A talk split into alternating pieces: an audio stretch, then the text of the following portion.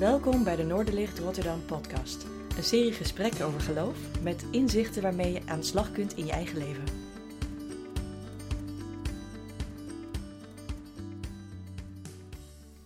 De psalmen zijn zeker niet allemaal van hetzelfde soort. Sommige psalmen kunnen we gelijk in meekomen, die kun je zo meebidden, omdat je ze zo kunt plakken op je eigen situatie en eigen leven.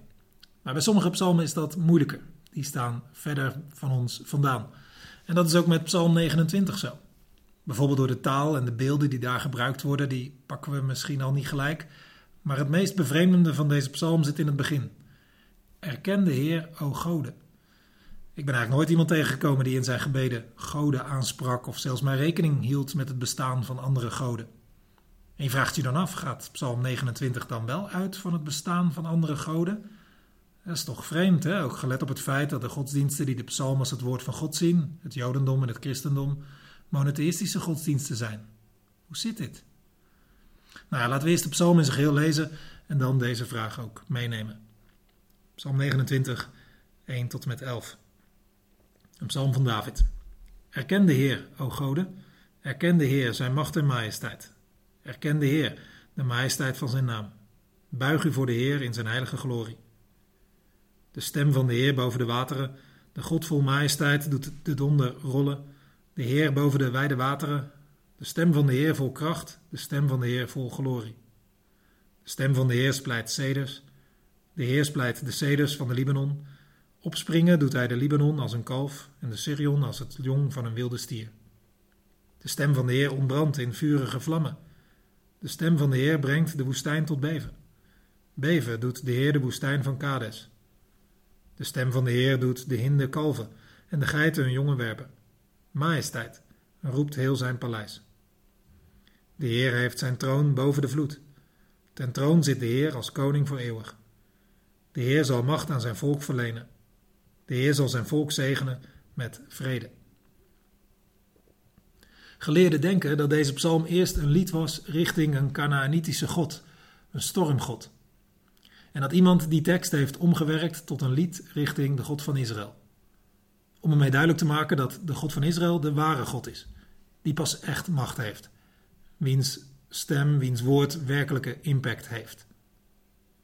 En dit lied roept dan op om deze God van Israël ook te erkennen, zijn macht en majesteit te erkennen, deze God de eer en aanbidding te geven die hem toekomt. Want zijn kracht, macht, majesteit, stem, woord is zo groot deze God verdient het gewoon om onze eer en erkenning te krijgen. Dat is de gedachte van deze psalm. En als je deze psalm leest of zelf hardop gaat bidden, dan word je aangespoord om die Heer te eren en te dienen.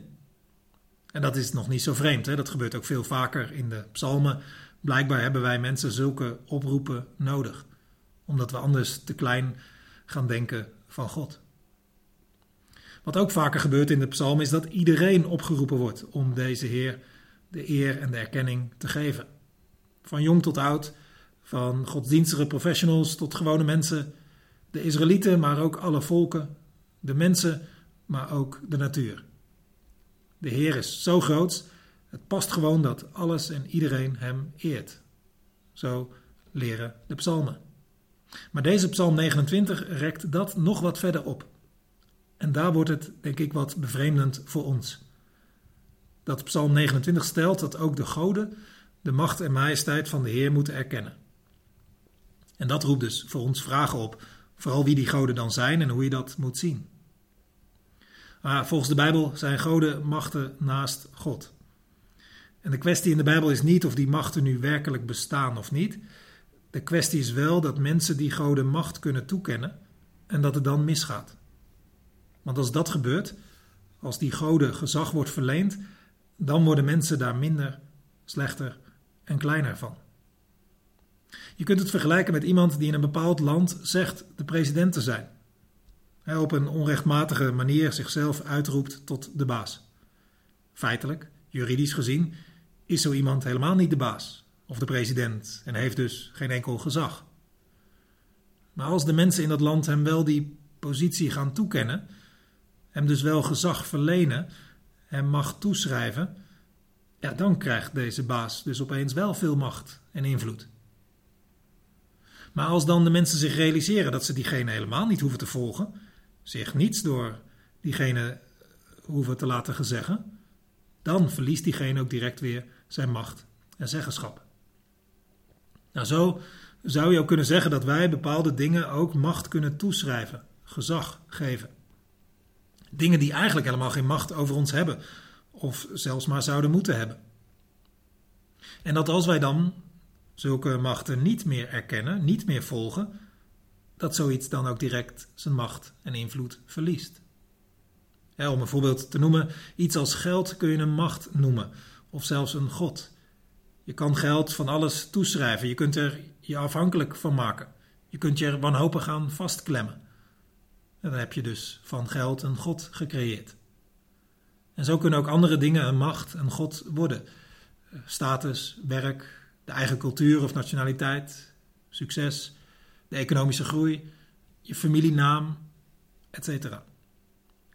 En als je deze dingen goddelijke status geeft, gaan ze je beheersen. En het is dan nodig om die dingen hun oneigenlijke macht te ontzeggen. En daar helpt Psalm 29 bij. Want die stelt dat al die machten en zogenaamde goden Gods macht en kracht zouden moeten erkennen. Want de Heer is de enige God, de enige ware God.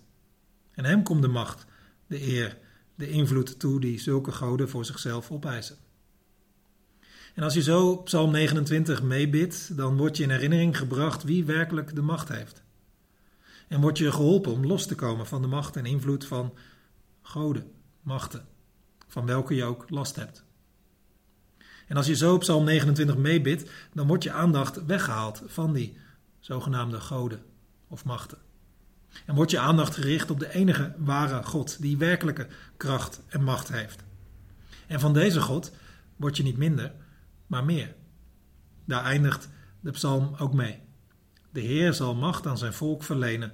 De Heer zal zijn volk zegenen met vrede. Deze God deelt van zijn kracht en deelt van zijn vrede. Deze God is duidelijk onze eer en erkenning waard, meer dan waard. En Psalm 29 geeft ons woorden om Hem die erkenning en eer te geven.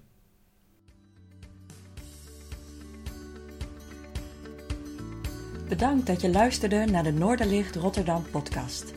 We hopen dat je er iets aan had deze keer. Je kunt alle afleveringen beluisteren via Spotify, YouTube, Apple Podcasts, Google Podcasts en natuurlijk via www.noorderlichtrotterdam.nl. Heb je een verzoek voor een onderwerp of heb je een suggestie voor een gast in de podcast? Stuur dan een mailtje naar podcast.noorderlichtrotterdam.nl of vertel het ons via Twitter. Tot de volgende keer!